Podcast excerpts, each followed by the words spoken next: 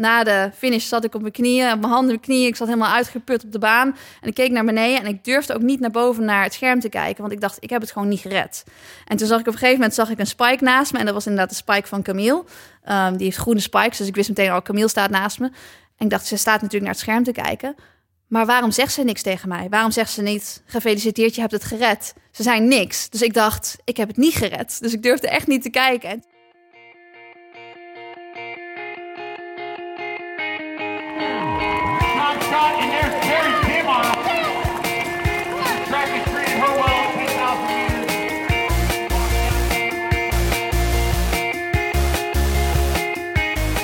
Welkom bij deze 16e aflevering van Suzy Q&A, de podcast over hardlopen, training en wedstrijden. Ik ben Jorben Ruiter. Nee, ik ben Jorben Ruiter. Ah shit.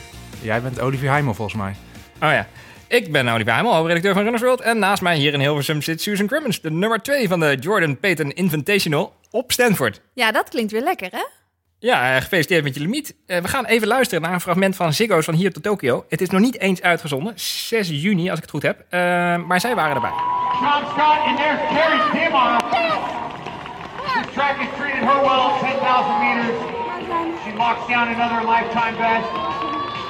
Nog niks gereden. Fuck. Is dat spannend of niet? Dat is heel spannend. Dat was heel zwaar, denk ik. Nee, heel erg kapot. Maar je hebt hem wel. Ik denk het laatste rondje, ik weet het niet. Lekker. Van de mannen gaan. Oh my god. Oh, we gaan naar Tokio. We gaan naar Tokio. We gaan naar Tokio, hè, pa? Nou, fantastisch. Hey, Suzanne, we gaan even terug naar de laatste dagen voor de wedstrijd. Had je geen klachten deze keer?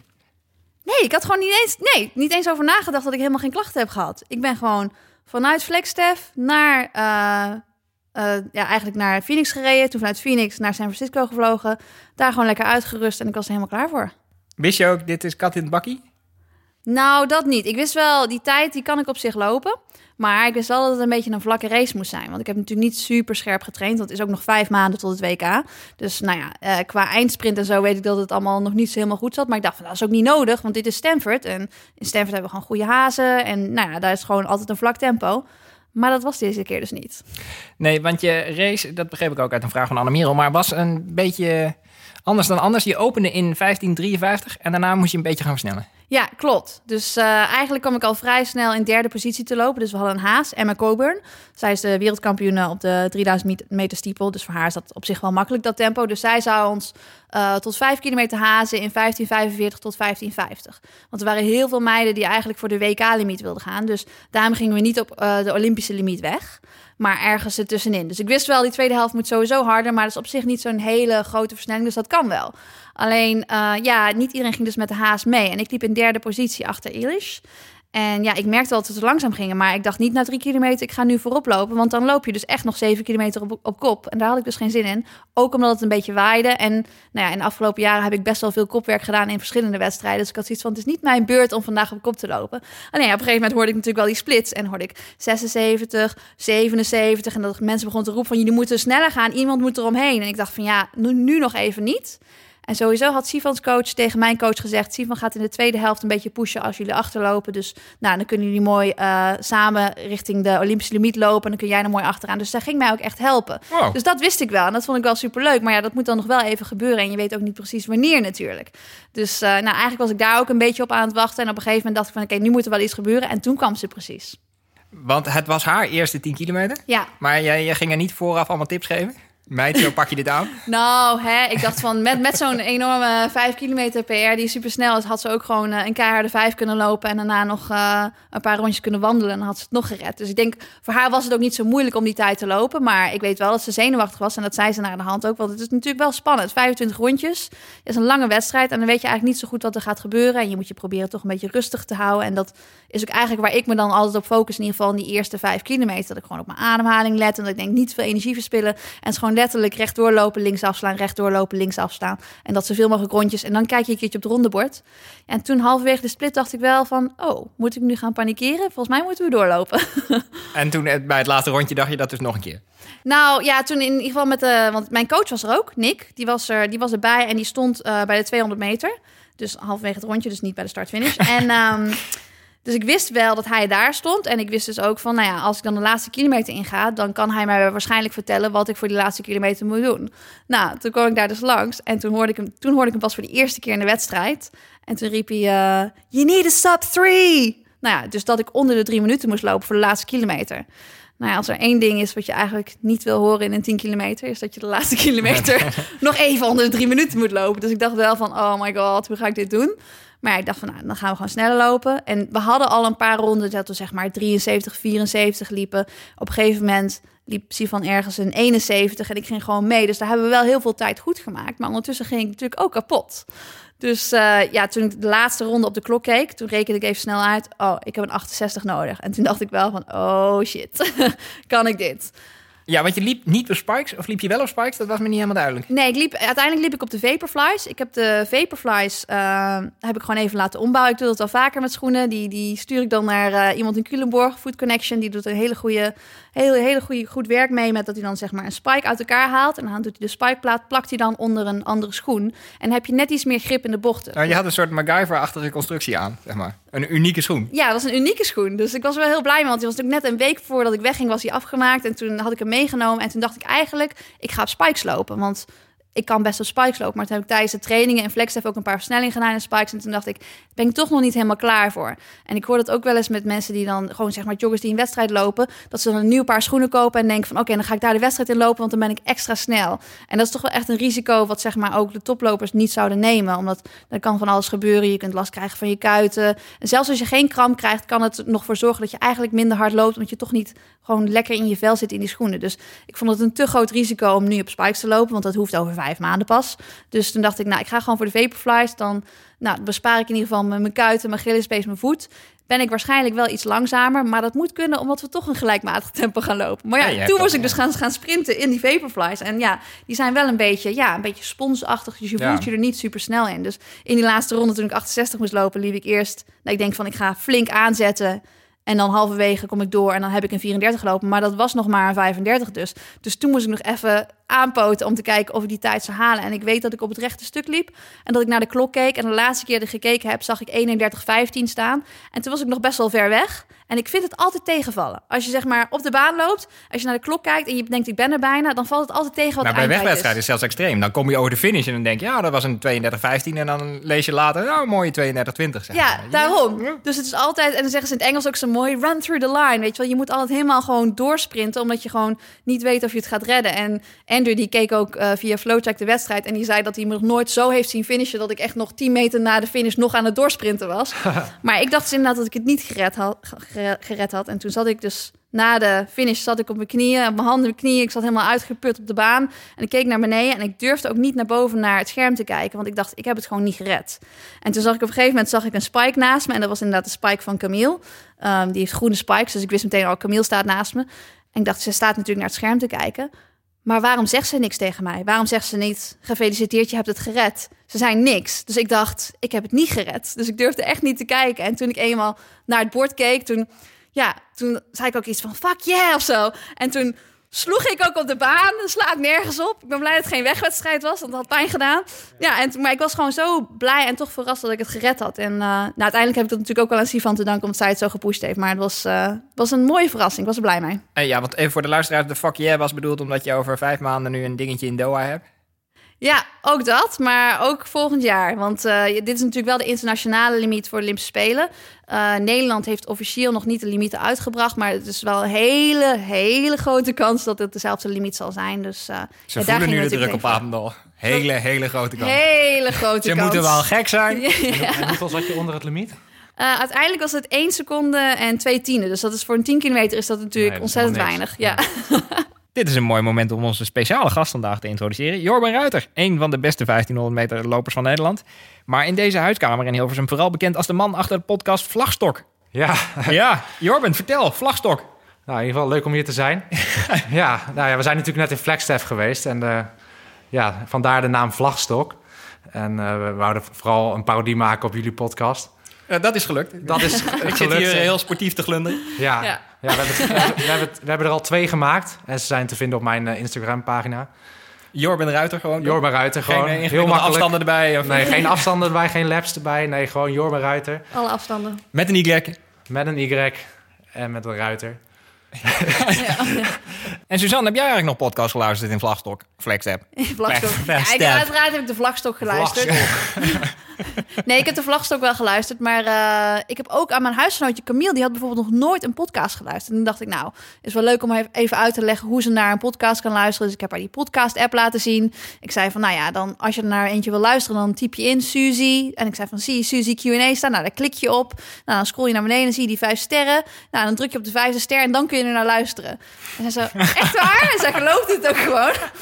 Maar goed, en toen heb ik daarna uitgelegd dat ze ook naar andere podcasts kan luisteren zonder op de vijf sterren te drukken. En toen, nou, ze houdt niet zo van sport, dus ze heeft heel erg veel naar de Serial eh, podcast geluisterd. Dat het gaat over een of andere moord die dan in eh, tien afleveringen wordt opgelost, dus een Engelse podcast.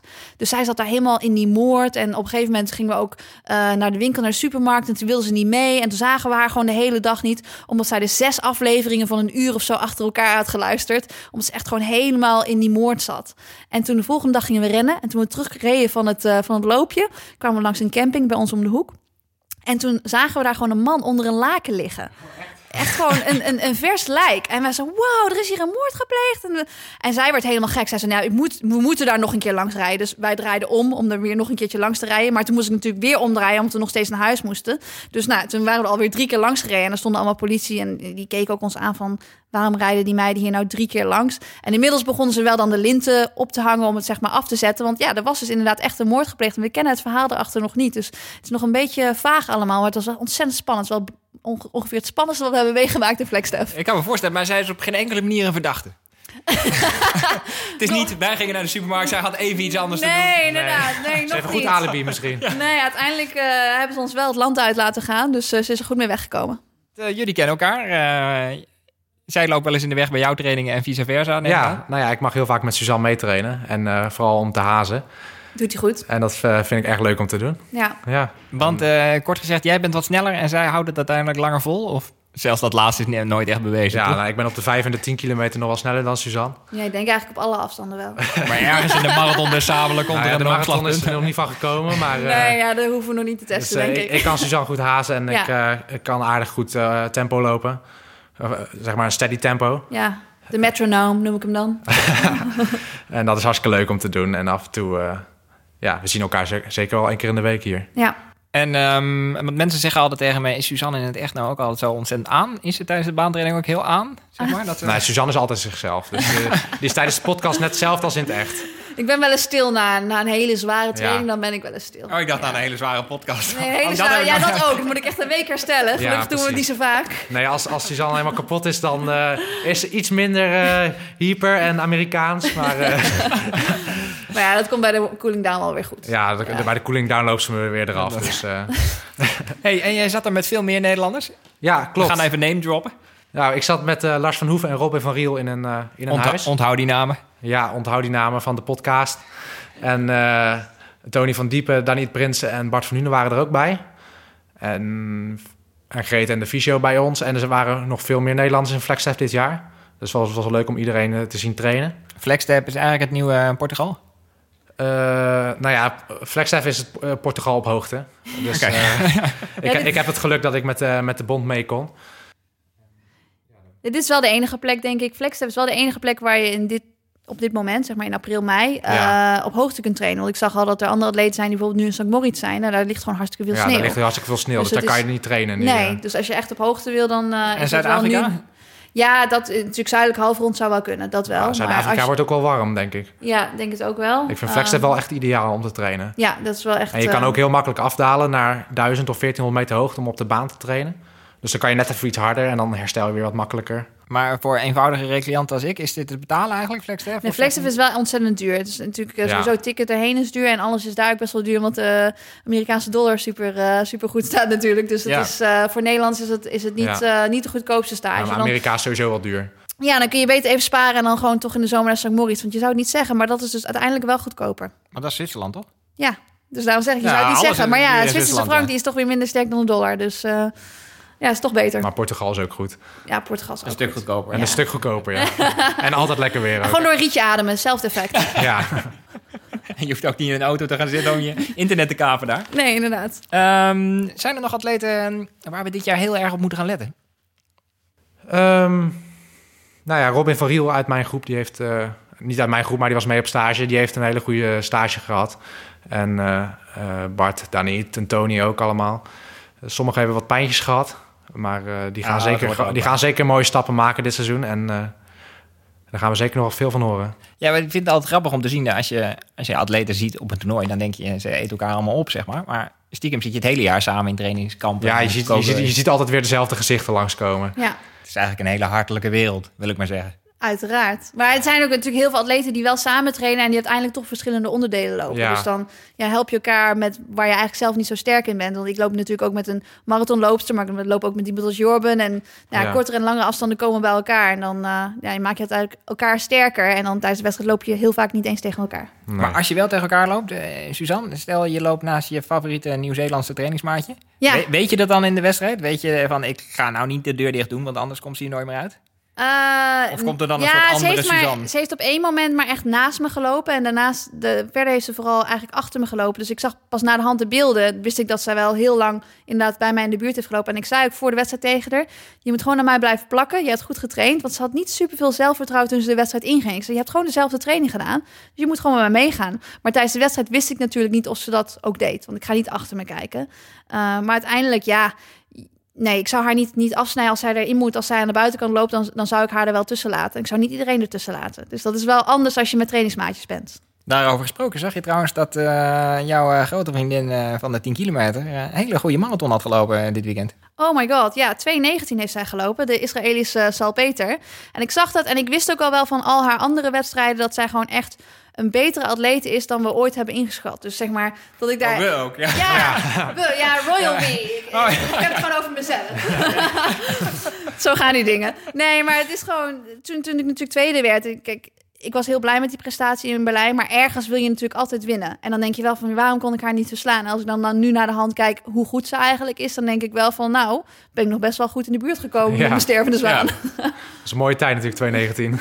dat is echt... eh, ze is de pas de derde Europese onder de 22 volgens mij. Dus, Zo. eh, Want waren er meer eh, Nederlandse atleten die Stanford... Benjamin de Haan liep ook volgens mij. Ja, ja. Ja. die heeft heel goed gelopen, ja. Ja, ja het is wel jammer dat natuurlijk eh, bijna alle andere wedstrijden...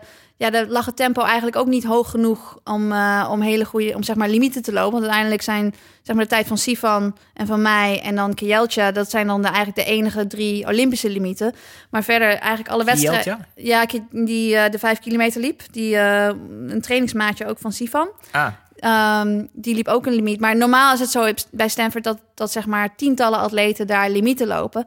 Maar ik denk dat dit jaar ook echt veel atleten bang zijn voor die Olympische limieten. Want voor Nederland waren de limieten altijd al scherp. Dus voor ons verandert er eigenlijk niet zo heel veel. Maar voor heel veel andere landen waren de limieten nooit zo scherp. Dus zij kijken naar die limiet als iets wat niet haalbaar is. En wat dat betreft zijn we er denk ik in Nederland wat beter op voorbereid. Maar ja, dat betekende dus ook dat ja, bij heel veel wedstrijden atleten het eigenlijk een beetje lieten afweten. Omdat ze dachten van ja, we gaan gewoon proberen voor WK-limieten te gaan. En, en voor Benjamin was dat natuurlijk gewoon helemaal prima. Maar ja, normaal zie je natuurlijk veel meer eh, Olympische limieten in zo'n eh, in zo'n jaar voor dus door de hele intieme spelen in Tokio eigenlijk. Nou, je weet je, met de rankings zullen heel veel atleten er nog steeds inkomen. Ook als je, want Camille bijvoorbeeld, mijn trainingsmaatje, zij liep uiteindelijk 31 tot 33. En dat is een hele dikke PR voor haar. Maar ze vond het natuurlijk wel jammer dat het geen gelijkmatige race was. Want anders had zij het misschien ook wel kunnen redden. Maar ik zei al tegen haar, ja, met zo'n tijd, volgens mij kom je er via de rankings, kom je er dan toch gewoon in. We gaan even naar ons eerste segment. Ask Suzy. Stuur je vraag in, dan beantwoordt Suzanne die hoogstpersoonlijk in de uitzending. Eerst een vraag van Wietse Sluimer, die hebben we net al een beetje beantwoord. Wanneer wordt bekend of de Nederlandse bond deze hand- limiet ook gaat hanteren? Eh, ik denk dat het heel snel bekend wordt, want als het, het baanseizoen eh, begint nu ook echt. En eh, ik denk wel dat het in de komende week dat het bekend gaat worden wat alle limieten zijn. Want ja, gewoon voor alle onderdelen moet iedereen dat natuurlijk weten. En toevallig voor de 10 kilometer was het dan een beetje laat. En ja, volgens mij kon je je vanaf 1 mei kwalificeren. En ik heb dat natuurlijk wel meteen 2 mei die wedstrijd gelopen. Ja, dus dat het was was, ook wel, ja. was ook wel vroeg. Maar ja, ik, ik denk dat het snel bekend wordt. Maar ik, ik heb er wel alle vertrouwen in dat ze Want je hoeft geen vormbehoud te tonen of zo. nee, dat hoeft niet. Maar ik ben het wel van plan om dat eh, in Doha te doen. En, en nog bij andere wedstrijden. Dus eh, ik doe het toch gewoon. En eh, zijn WK-limieten al iets wat jij in de gaten houdt? Ja, ik weet wel wat de WK-limieten zijn, maar ik eh, probeer, probeer maar dit seizoen gewoon te veel, zoveel mogelijk te verbeteren. En dan eh, kijken we wel waar we uitkomen, toch? Ja, dat lijkt me heel, heel Ja. goed. Hey, eh, Suzanne, een andere vraag. Die komt van eh, Nienke Schut. Hoe bouw je zo'n race op? Weet je van tevoren hoe hard je elke ronde wil doorkomen? Ja, ik gok zomaar dat je dat van tevoren niet helemaal weet. Ja, nou, ik heb wel eventjes gekeken wat voor, wat voor een tempo je op bepaalde tijden uitkomt. En, en wat de haast zou lopen, of dat dan op schema lag of niet. En dat is natuurlijk best wel makkelijk uit te rekenen. Als je 15:45 loopt, loop Heb je ook iets te doen onderweg? Ja, maar dan loop je dus 31-30 als je dat zou volhouden. Uh, maar je weet ook bijna zeker dat je die tweede helft toch wel gaat versnellen. Dus ik was niet iedere ronde met tijden bezig. Maar toen ik heel vaak 77 hoorde, wist ik wel... oké, okay, er moet nu iets gebeuren. Want 77 is niet een tijd die ik heb opgezocht. dus, Stond niet in jouw tabelletje? Nee, dus dan weet ik dat dat, dat, dat, niet, uh, dat dat niet goed ligt. Maar verder probeer ik eigenlijk zo, zo weinig mogelijk naar splits te kijken in de eerste helft. Want anders is een 10 kilometer zo lang. Vooral als het 25 rondjes zijn natuurlijk. Ik vind het sowieso lang op de baan, ja. Ja, het is echt wel een stuk langer dan op de weg. Een uh, vraag van uh, Run with Joyce. Wat was je eerste gedachte na de finish van deze race? Ja, toen ik daar zo op de grond zat, dacht ik van... Oh, messed up. Oh, echt zo stom. Ik heb het gewoon niet gered. En dan moet ik nog ergens anders weer proberen. En oh, ik dacht echt, ik heb het niet gehaald. Oh. Dus toen keek ik en dacht ik wel zoiets van... Wow, ik kon het echt niet geloven. Dus dat was wel leuk. Dat is, ja, het is altijd wel leuk om, je, om jezelf te verrassen... op welke manier dan ook. Dat is toch wel een uh, lekker gevoel. Uh, gelijk een aanvullende vraag van Bram van der Helder. Een, een, vraag eigenlijk aan jullie allebei. Het valt me op dat atleten na de race altijd zo vrolijk en aardig voor elkaar zijn. Zijn er ook uh, vervelende voorvallen? Kennen jullie mensen die heel naar zijn na de finish? Uh, nou, niet persoonlijk. Nee, ik heb wel eens dat ik een, een wedstrijd heb gelopen bijvoorbeeld... en dat er een, een tegenstander was die mij echt de hele weg lang, vijf kilometer lang... alleen maar ellebogen zat te geven. En dat ik denk van ja, als je dat nou eens niet doet, meisje, dan ga ik mooi een tempo lopen. En dan kun jij mooi achteraan. Lopen wij allebei een PR. Dus toen was ik wel een beetje geïrriteerd. Want heb ik na de hand ook wel tegen gezegd: als je me nou even geen elleboog geeft, dan kan ik je ook nog een keertje helpen ja. bij een wedstrijd. Dus nou ja, heel vervelend. Ik ben wel eerlijk.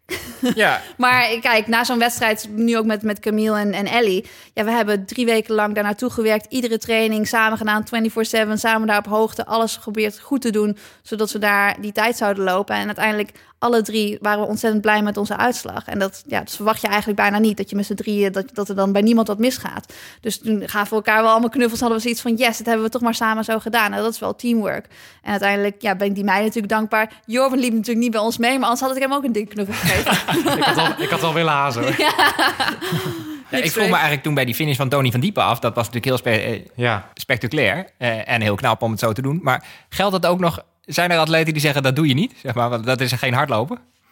Je bedoelt dat hij zo over de finish viel? Ja. Want er zijn niet echt regels voor, toch? Ik bedoel, bij zwemmen nee. spreken we af, de schoolslag is zo. En, ja. en nee, ik denk niet dat daar regels voor ja, zijn. als je niemand hindert, dan is het toch gewoon goed. Dan mag je gewoon zelf weten wat je doet, toch? Tony ja. heeft er wel heel hard mee gelopen. Dus, ja, ja, ja, Ja. zeker. Nee, maar je zou van mijn part zeg maar met ratslagen over de baan kunnen en zo. Ja, ik denk niet dat het super snel is, maar wat Tony deed Nee. is wel snel. Ja, ja, ja. Ja, Tony had echt zijn- de- zijn bronzen medaille ermee gepakt. Ja, dus, eh, inderdaad. dat is mooi. Ehm, dan een vraag van eh, Running Joyce. Niet te verwarren met Run with Joyce. Die hadden we net. Wauw, Ja. Echt familie. Eh, ja, kleine wereld. ja. Heb jij of je coach al een idee wat je doel gaat zijn voor Tokio? Oh, dat is nog zo ver weg, dat is echt moeilijk te zeggen. En het is sowieso moeilijk te zeggen, omdat er natuurlijk heel veel atleten zijn die ook van eh, onderdeel gaan wisselen. Bijvoorbeeld, ja, zo iemand als Sivan bijvoorbeeld, die dan nu ook 10 kilometer gaat lopen. Dus nou, de 10 kilometer wordt wellicht een sterker onderdeel dan in andere jaren. Maar eigenlijk waar ik het meeste mee bezig ben, is om mezelf te verbeteren. Klinkt een beetje stom, maar kijk, ik, ik weet gewoon dat ik nog steeds harder kan lopen. En ik heb eh, nou, rond de 31-20 gelopen in wedstrijden die perfect gehaast zijn. Maar ook wedstrijden zoals nu bij Stanford, waar het eigenlijk gewoon echt een flinke negative split was. Dus ik weet dat ik sneller kan. En ik geloof ook wel dat ik onder de 31 kan lopen. Maar tijd maakt uiteindelijk niet zo heel veel uit. Je moet gewoon tempowisselingen aankunnen. En nou ja, gewoon een goede 10 kunnen lopen. En uiteindelijk wat die tijd die eruit rolt, dat betekent niet zoveel. Maar ik weet gewoon wel dat ik nu, ja, vijf maanden voor het toernooi op een veel uh, ja, een betere vorm ben dan alle jaren hiervoor. Dus als ik gewoon heel kan blijven en gewoon goed kan blijven trainen en goed mijn hoogtestages doe, dan, ja, dan kan er ongetwijfeld een, een beter resultaat uitrollen, zolang ik maar meer verbeter dan anderen. Uh, en een vraag van uh, Martijn van Essen. Kan ook aan jullie allebei. Trainen jullie eens nuchter? Als in s ochtends op een lege maag? Ja, zal, ga zal ik eerst? Oké, okay, ik ga eerst. Ja, uh, ja, ik train wel eens nuchter. Vooral als ik duurloopjes doe die korter zijn dan een uur, dan, uh, dan neem ik wel eens gewoon koffie en dan, uh, dan ga ik gewoon lekker lopen. Maar dan loop ik wel heel rustig. Dan loop ik niet te hard, want anders dan ben je gewoon lekker spieren aan het verbranden. Dus het is wel gewoon voor een rustig duurloopje dan ja, onder het uur, dan kan ik dat wel, ja. Ja, ik, ik, ik ben er zelf niet zo fan van, omdat ik echt heel erg merk dat ik echt een stuk langzamer moet lopen en dat ik weinig energie heb. Dus ik uh, ontbijt meestal wel voor de training. Ja. En eh, ik heb het vroeger wel eens gedaan, maar dan echt tot met 30 minuten. Maar Ja. ik ben er tegenwoordig niet zo fan meer van. Nee, ja, sommige atleten die, die kunnen dat ook heel goed. En die kunnen dat zelfs ook langer. Ik zou het ook no- nooit langer dan een uur willen doen. Maar eh, Maar ik ben ook iets minder een lange afstandatleet dan jij misschien. Maar hij is niet zo'n draver. nee, Pleit voor je. ja. ja. Een vraag van Tijn Piest. Trainen jullie wel eens zonder wedstrijddoel? Mm, nou, Moeilijke gezicht Ja. hier in de ja, studio. ik weet niet. Ja, je hebt altijd wel doelen in de toekomst, zeg maar, waar je naartoe werkt. Dus je hebt altijd wel iets om naartoe te werken. ja. Alleen heb je soms nog niet he- helemaal... Tenminste, dat is voor mij he- heb ik, ik, niet, ik heb niet altijd voor het seizoen al heel mijn, sche- mijn schema voor de wedstrijden klaar, zeg maar. ja. Dus dan ben je gewoon aan het trainen om beter te worden. Ja, maar op een gegeven moment staan je wedstrijden vast en dan ga je daar gewoon naartoe werken, toch? Ja, soms heb je wel dat inderdaad dat, dat het volgende doel wat verder weg ligt. Maar ja, Ja. het- ik heb nu ja, ook best wel lang dat ik, dat ik dan eigenlijk binnen een maand alweer een volgende wedstrijd heb. Maar bijvoorbeeld toen ik geblesseerd was en niet kon lopen... en echt een aantal weken natuurlijk met die, met die boot en alles zat... ja, dan ben je wel in het zwembad aan trainen zonder echt doel meer... om, om gewoon in vorm te blijven. En dat vind ik zelf heel moeilijk. Ik, ik kan beter omgaan met als ik een doel heb... en dat ik daar naartoe werk en dan stap voor stap... en dat je ook ziet dat je nog op schema ligt. En als je dan niet op schema ligt voor een doel wat er ook niet echt is... dan oh, dat vind ik wel echt heel lastig. Ik eh, hoorde de vertwijfeling in je stem. Ja. Eh, dan een vraag van eh, de geheime agent onder de wegatleten. Roadrunner 00007. Zijn dat wel genoeg Komt hij uit Ja. Engeland? Vier, vier nullen. Ja. Eh, onderzoek van de KU Leuven toont als eerste aan dat ketonen wel degelijk de prestaties van atleten verbeteren. Hoe sta jij tegenover ketonen? Tonen. Dat is een goede openingszin. Ja, Hoe sta ik- jij tegenover ketonen? Ik heb eigenlijk niet echt een mening over ketonen. Nee, wat, wat is... Serieus, ik weet het echt niet. Wat is het? Nee, ik heb ook geen idee. Is dat ja, iets, ik- iets met koolhydraten of zo, of niet? Nee, ik Ja. heb het eh, voor het eerst gisteren gelezen op Facebook ergens, maar ik, eh, ik Het, zou... zou- het klinkt heel hip. Leg jij het eens uit. Ja, leg het eruit. Ja, ja, nou zit je me een beetje voor het blok. Maar het komt Oh, neer dat, Kijk dat, even de producer. dat vroeger eh, verbranden we niet koolhydraten, maar zeg maar, in de oertijd verbranden we vooral ketonen. Daar komt het op neer volgens mij. Oké. En nu is dat eh, door de firma Sky, in de wielerploeg, is dat in een heel duur drankje gestopt. En dat is nu komt het ook op de markt voor recreanten. En het is ontzaglijk duur, maar het zou heel goed zijn. Alleen we weten niet helemaal wat de lange termijn effecten ervan zijn. We weten niet waarom het lichaam eigenlijk een beetje gestopt is met ketonen, zeg maar. Oké, dus je kunt niet per ongeluk ketonen binnenkrijgen. je moet dat nou, bewust doen. ja, je lichaam doet er wel iets mee, maar zo puur ketonen binnenkrijgen, dat hebben we al een hele tijd niet meer gedaan. Nou, dan heb ik er echt geen mening over. Oké. ik, eh, wetenschapsjournalisten, bel me als ik het allemaal verkeerd Moeten we maar even Eh, afwachten dan. Moeten we eh. de volgende keer ja. een wetenschapper uitnodigen? Nou, ik vind ja. het best wel griezelig, want dat, misschien word je er wel tien jaar beter van en blijkt dan dat je er toch eh, hele rare pukkeltjes van Ja, hebt. misschien Ja. krijg je er dan wel last van. eh. Maar Ik weet het niet. eh, Sky eh, fietst er best hard op. zo Oké. Ehm, een vraag van eh, Claudia. Claudiat, 17. Ik wil graag sneller worden op de 5 en de 10 kilometer. Ik heb nog drie weken tot mijn 5 kilometer wedstrijd en drieënhalve week tot mijn 10 kilometer wedstrijd. Hoeveel intervaltrainingen raad jij aan? Ik loop ongeveer twee keer in de week hard. Oh, twee keer in de week. Ja, want ik zou normaal zeggen, en eh dit is mijn, een van mijn lievelingswoorden, een threshold. De threshold. een threshold is Als je erg nog een moederdag cadeautje zoekt, een threshold. Moet sowieso een threshold aanschaffen. Nee, een threshold vind ik gewoon... dat is een van de beste trainingen die je kunt doen... omdat het op hartslag is en omdat het gewoon eh, zonder pauzes... Nou, het lijkt een beetje op een wedstrijd... maar het ligt, tempo ligt natuurlijk een stuk lager... En je, en je traint daar gewoon... Ja, je doet daar een goede training mee zonder te veel te doen. Ik kan nu eindelijk aan Jorben vragen. Hoe noemen normale Nederlandse atleten dit? Of zeggen Eh, jullie ook Ja, de drempel, volgens de Oh, drempeltraining. Ja, dat is gewoon... Ja, maar dat ik is denk dat Suzanne al te veel Amerikaanse is. Dat is de eh, gewoon. vertaling natuurlijk, hè? drempel. Threshold, drempel. Ja, Ja. een drempeltraining. Dus ik, ik denk dat dat de, de belangrijkste en de beste training is om te doen... omdat je daar niet zoveel aan fout kan doen. Intervaltrainingen, nou ja, daar kun je zoveel in variëren. En tempo's die je loopt en pauzes die je neemt. Dus zoals ik al zei, zeg maar mijn baantrainingen... die tempo's liggen niet super hoog. Het is niet dat ik, zeg maar, in, in, eh, in mijn stage in Flagstaff heb ik... denk ik geen 400 harder gelopen dan... Nou, misschien heb ik er eentje in 64 gelopen... maar de rest was allemaal 68 of langzamer. Dus ik, ik ga niet all out. Maar het zijn wel gewoon hele korte pauzes. Dus nou ja, om het goede programma te lopen... dat is natuurlijk, ja, daar heb je wel een coach voor nodig... of je moet zelf er iets van weten hoe je dat zeg maar samenstelt. Dus ik denk dat het altijd makkelijker is om een threshold te doen... omdat je daar wat minder fout aan kan doen. Drempeltraining dus. En Drempeltraining. Dat is de hartslagdrempel die we bedoelen, niet de drempel in Ja. de deur. Ehm, heb je nog een vraag voor Suzanne? Of voor mij natuurlijk? Mail hem dan naar mijn adres, olivier.heimel.hurst.nl. Ik zal het dus heel Wat heb je duidelijk dat duidelijk uitgesproken? Ja. Ja, dank je. Ja. Dan kunnen mensen nog een keertje een mailtje sturen. Eh, ja, Misschien, maar misschien, krijg, dus misschien wel- krijg je nu nog meer mailtjes. het is met, met EA is het, Hearst. Ja. En wie Met weet komt jouw Z dan- of een S. Eh, ja, Hurst. ja, Ik denk gewoon via ST. Instagram is handig. Ja, en. Instagram, ja. Ja. En Ja. geef dan vooral je echte naam op. Eh, wie weet komt jouw vraag dan wel in onze volgende podcast. Eh, die volgende podcast over. Laat even op zich wachten, want we gaan met zomerstop. Oh ja, het is zomerstop. Oh, ja. Het is zomerstop, ja. Ja. Het is een bijzondere uitzending. Ja. Eh, maar we zijn natuurlijk nog lang niet aan het einde van die uitzending. Want we moeten het ook nog hebben over het woord van de week.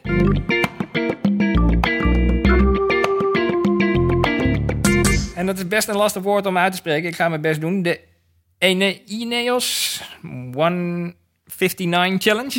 Ineos, ja. Oh. Ineos. ze. Ineos. Ja, ze zeggen gewoon Ineos. Ja. ja, ik weet dat het Ineos heet, omdat eh, dat is het bedrijf wat natuurlijk de, de, de sub-2 eh, limietpoging of... ja, een limietpoging is geen limiet natuurlijk. Ehm, ze willen onder de twee uur op de marathon. En dat gaat eh Kipchoge proberen. En eh, Ineos is een hele grote plastic Ja. Ineos is een bedrijf die, dat, die daar genoeg funds voor heeft om dat te sponsoren, zeg maar. Heel toevallig ken ik het bedrijf, omdat Jared, mijn visio in Ierland, daar ook voor werkt. Dus daarom... Maar ze maken plastic en, en ze hebben een visio in dienst. Ze hebben een visio in dienst, ja. Want er zijn dus heel veel, eh, Foamrollers. heel veel mensen die daar werken... die, die, die, die stellen zichzelf niet alleen doelen eh, binnen het werk... maar ook daarbuiten. Er zijn heel veel die bijvoorbeeld eh triathlons doen... die andere rare challenges doen... die een berg beklimmen en zo. En daar hebben ze dan ook de beste visio voor nodig. Ja, en aangezien ze daar natuurlijk genoeg geld voor hebben... vragen ze dan Jared om langs te komen... om naar alle hoge pieven eventjes weer recht te trekken... en ja, ervoor te zorgen dat zij hun doelen halen. Dus... eh, En ze hebben net de Sky wielerploeg overgenomen. ook dat. Dus ik heb, eh, ja, dat soort verhalen hoor ik altijd al mooi als ik in Ierland ben. Dus het is wel heel vermakelijk tijdens die eh, vier uur dat ik daar op de tafel lig te creperen. Dan vertelt hij me weer eens een leuk verhaal. En dan denk ik bij de helft denk van, zou het waar zijn? Zou het ook echt gebeuren? En toen zag ik het nu inderdaad voorbij komen op social media. dacht ik, nou, haal toch gelijk. Ja, want eh, als ik het goed heb begrepen, gaat eh Kipchoge... die heeft het dus twee jaar geleden geprobeerd in, op Monza, Ja. op een circuit. eh, een rondje van 2,4 kilometer. Nu gaat hij voor een ronde van 3 kilometer, want hij vond het toch wat saai. Er komt publiek bij. ja, ik kan me er wel iets bij voorstellen. Ja. Ja. Iets meer publiek lijkt me ook wel lekker. En er komt een drankpost die meefietst. Want dat was hem ook slecht bevallen. De drankpost stond een beetje verkeerd geplaatst. Oh. En er komt een laser op de grond. Vooral voor de hazen. Oké. Dat was er al, toch? En ja, er was een Tesla ervoor. Ik weet niet of er ook al een laser was. Nee, ja, er was mij... een, een groene laser op de grond. En Oh. dan konden de hazen precies zien waar ze moesten lopen. Oh, maar, dat ging toch niet goed. Nee, ja, het zal altijd beter kunnen, denk Ja, nou, ik. het was Ja. niet heel vlak de vorige keer natuurlijk. Dus het moet toch nog vlakker, hè? Dit, eh, Ja, Monza. Monza is op zich, ja, meestal... Nee, oh, qua tempowisseling bedoel ik. Oh. Ja, dus ja, sorry. Ik ging een hele andere kant op hier. Maar, Nee, dat niet. Nee, eh, ja. maar wat, wat, Jorben, wat denk jij ervan? Gaat het hem lukken? Ik denk het wel. Hij heeft het al bijna in Berlijn gedaan. En eh, ik denk dat hij het zeker mogelijk, mogelijk is. Maar ja, het eh, blijft wel speciaal eh, natuurlijk om onder de twee uur te lopen. Ja, ja. En, en het zijn nog maar 25 seconden, toch? 26 Ja, seconden. ik denk wel dat het kan. Ik denk dat hij het ook Ik kan, denk, ja. eh, ja, wordt wel leuk om te volgen. Volgens mij gaat hij het nu wel alleen doen. Ik vond de vorige keer wel een beetje treurig voor die andere twee. Die ene die liep nog 2-6. Terwijl Ja. die 2-10 had staan. Dat is best Ja. een goede dag. En, eh, Best een goede dag. niemand kijkt naar vrij snel af, volgens mij. ja. Ja, en als je dan 2-6 loopt, dan is het ook niet zo leuk om in één uur te beginnen en dan de tweede helft 1-6 te lopen, zeg maar. Nee, ik denk het ook niet. Dat maakt het alleen maar Een zwaarder, stervende zwaan, ja. En als je alleen loopt. ja. Dus, ehm, nou ja, we gaan het volgen. Het wordt ergens in het najaar, eh, eind september, begin oktober volgens mij. Ze weten nog niet precies waar, maar het zal wel eh, Londen zijn, want de Londen Marathon organiseert het. Oh, oké. Ja, ik wist zal ook het in niet waar het Londen was. zijn, Ja. En ze, ze vragen allemaal eh, atleten van eh, jouw sponsor, denk ik, om, eh, om te hazen. Van welke sponsor? En nou, ik, eh, nou, je hebt er zoveel. Het verboden woord. nou ja. Ehm, ja, dan nog even een rondje wat we de komende weken gaan doen. Jorben, wat, eh, wat zijn jouw plannen? Eh, Ik ga beginnen met mijn baanseizoen. Kijk, Ja, dit weekend NK Teams voor, voor eh, pakken uit Rotterdam. En eh, daarna een 1500. ik heb Eh, altijd gedacht dat het PAC was, maar het is gewoon pak. In Rotterdam zeggen we gewoon pak, maar... eh, ja ze zeggen marathon en marathon pak. maar, hè? Ja, marathon dus, ja. en, eh, en, en pak gewoon. Maar ja, officieel zal het wel PAC zijn. Ehm, en daarna begin ik met een 1500 in Duitsland en een 5000 in Ordegem. Dat is een mooi eh, rijtje. Ja, en dan eh, zien we wel waar we staan. Even alle PR's aanscherpen. Zeker weten. Ja, dat Ja. Komt, komt goed. En eh, jij? Ja, hij gaat, de hij gaat de baan op. Ik ga de weg op. Oh, Ik ga gewoon eh, ik ga de Mariekenloop doen. Vind ik ook echt heel leuk dat ik die weer ga doen. Want ik was er namelijk bij de eerste editie was ik erbij. Dat was, eh oeh, ik denk dat het misschien wel 2003... 1980. Ja, 1980. 1980. Nee, het was eh 2003 of zo. Maar ehm, en toen werd ik eh, derde bij die eerste editie. Dat was, toen was het natuurlijk heel bijzonder dat het een, eh, ja, dat een loop was alleen voor vrouwen. En dit jaar hebben ze ook een, eh, een loop voor mannen de avond ervoor, volgens mij. Dus Andrew vindt het wel leuk. het op tegen Bramson. Ja. Zo luidde de tekst, ja. Ja, dus ik denk dat Andrew ook meedoet. Maar dat is, eh, ja, en ik loop natuurlijk gewoon op zondag Oh, dan de vijf dan. kilometer. Ja. Dus eh, daar kijk ik wel naar uit om daar weer een keertje te lopen. Ik Leuk. dacht dat ze dan iets met de Markloop zouden doen of zo. Maar het is de Marieke loop voor vrouwen. Voor mannen dan. Ja, ja, ik weet niet of ze een speciale naam hebben. Ja, jammer. tip, ja. Alle marken die mogen zich gratis inschrijven. En daarna ga je ook nog naar de NGA. Ja, NGA, dat is eh 15 juni, is dat in Nijmegen. En, En, de eh, afkorting voor de Next Generation. Next Generation Athletics. ehm, ja, die naam heeft Andrew trouwens bedacht. Ja, die heeft er nooit credits voor gekregen. Ja, dus Bij ik deze? Denk, ja, bij deze. Ja, dus toch heeft hij toch maar zomaar even bedacht. Anyway, ehm, daar ga ik dus lopen en eh, daar wil ik de 5000 lopen. En hopelijk kunnen we daar een limiet scoren. Die volgens mij op 1510 staat internationaal voor de Olympische Spelen. We gaan zien wat de Nederlanders daarmee doen. Ja, en dan eh, gaan we in ieder geval de lampjes gaan we daarop instellen. Dus dat is wel heel leuk met Jullie hebben je eigen lasertje. Ja, ik weet nog van de vorige keer dat we die lampjes ook hadden ingesteld op het limiet. En dat we op een gegeven moment eh, ergens halverwege de wedstrijd... dat ik daar liep in de groep en dat ik dacht van... hé hey, meisjes, zien jullie wel eh, dat die lampjes nu 20 meter voor liggen? Moeten we wel even, eh, even doorlopen. Maar toen kwam het dus ook net goed allemaal. Ah. Dus eh, ja, Ik had vroeger een trainer, Jan Huizingveld, en die had allemaal pionnetjes om de 50 meter. En dan had hij met fluitjes moest je zorgen dat je bij het volgende pionnetje. Hebben we één keer stiekem ook bij een wedstrijd gedaan. Moest je dat allemaal klaarzetten natuurlijk. oh, ben je niet gedisqualificeerd? Nee, ja, Niet misschien met, geloven. met maar, eh, Dat is wel heel bijzonder. hey, maar eh, je gaat natuurlijk ook vast nog ergens heen. Zwervende zwaan die je bent. Zwervende zwaan. Nee, ik zit gewoon echt zes weken in, eh, in Nederland. Daarna ga ik wel weer naar St. Moritz. Maar ik ben voorlopig even in Nederland. Dus eh ja, betekent dat ik ook veel training met Jorben zal doen natuurlijk. Iedere dinsdagochtend op Papenal, op de Ja. grasbaan. Als hij tenminste niet te hard hoeft. Hè, want hij moet ook wel eens harder hoor. Dus eh, nee, maar dus... Het is eigenlijk slecht nieuws voor jou als je met haar mee moet. ja, dan moet hij langzamer hè? Ja. Ik Nou zei ja, blok aan je been. Ja, meestal zijn het wel zware trainingen, maar ik ben nu echt voor die vijf kilometer aan het trainen. Dus Ja. En ik zag op Instagram de geweldige grap eh Suzanne Twitch langskomen. Want, Oh, Oh, wat jee. slecht. wat slecht. Misschien één iemand geliked heeft. dat is wel heel slecht, ja. Ja. Hey, eh, zo zijn we helaas aan het einde gekomen van deze 16e en dus voorlopig even laatste aflevering van Suzy Q&A. Dank Volkert van Dag en Nacht Media voor de productie. Dank Jorben voor het aanschuiven. Ja, en dank eh, beste luisteraar voor het luisteren. Ook namens Suzanne. Blijf luisteren en lopen.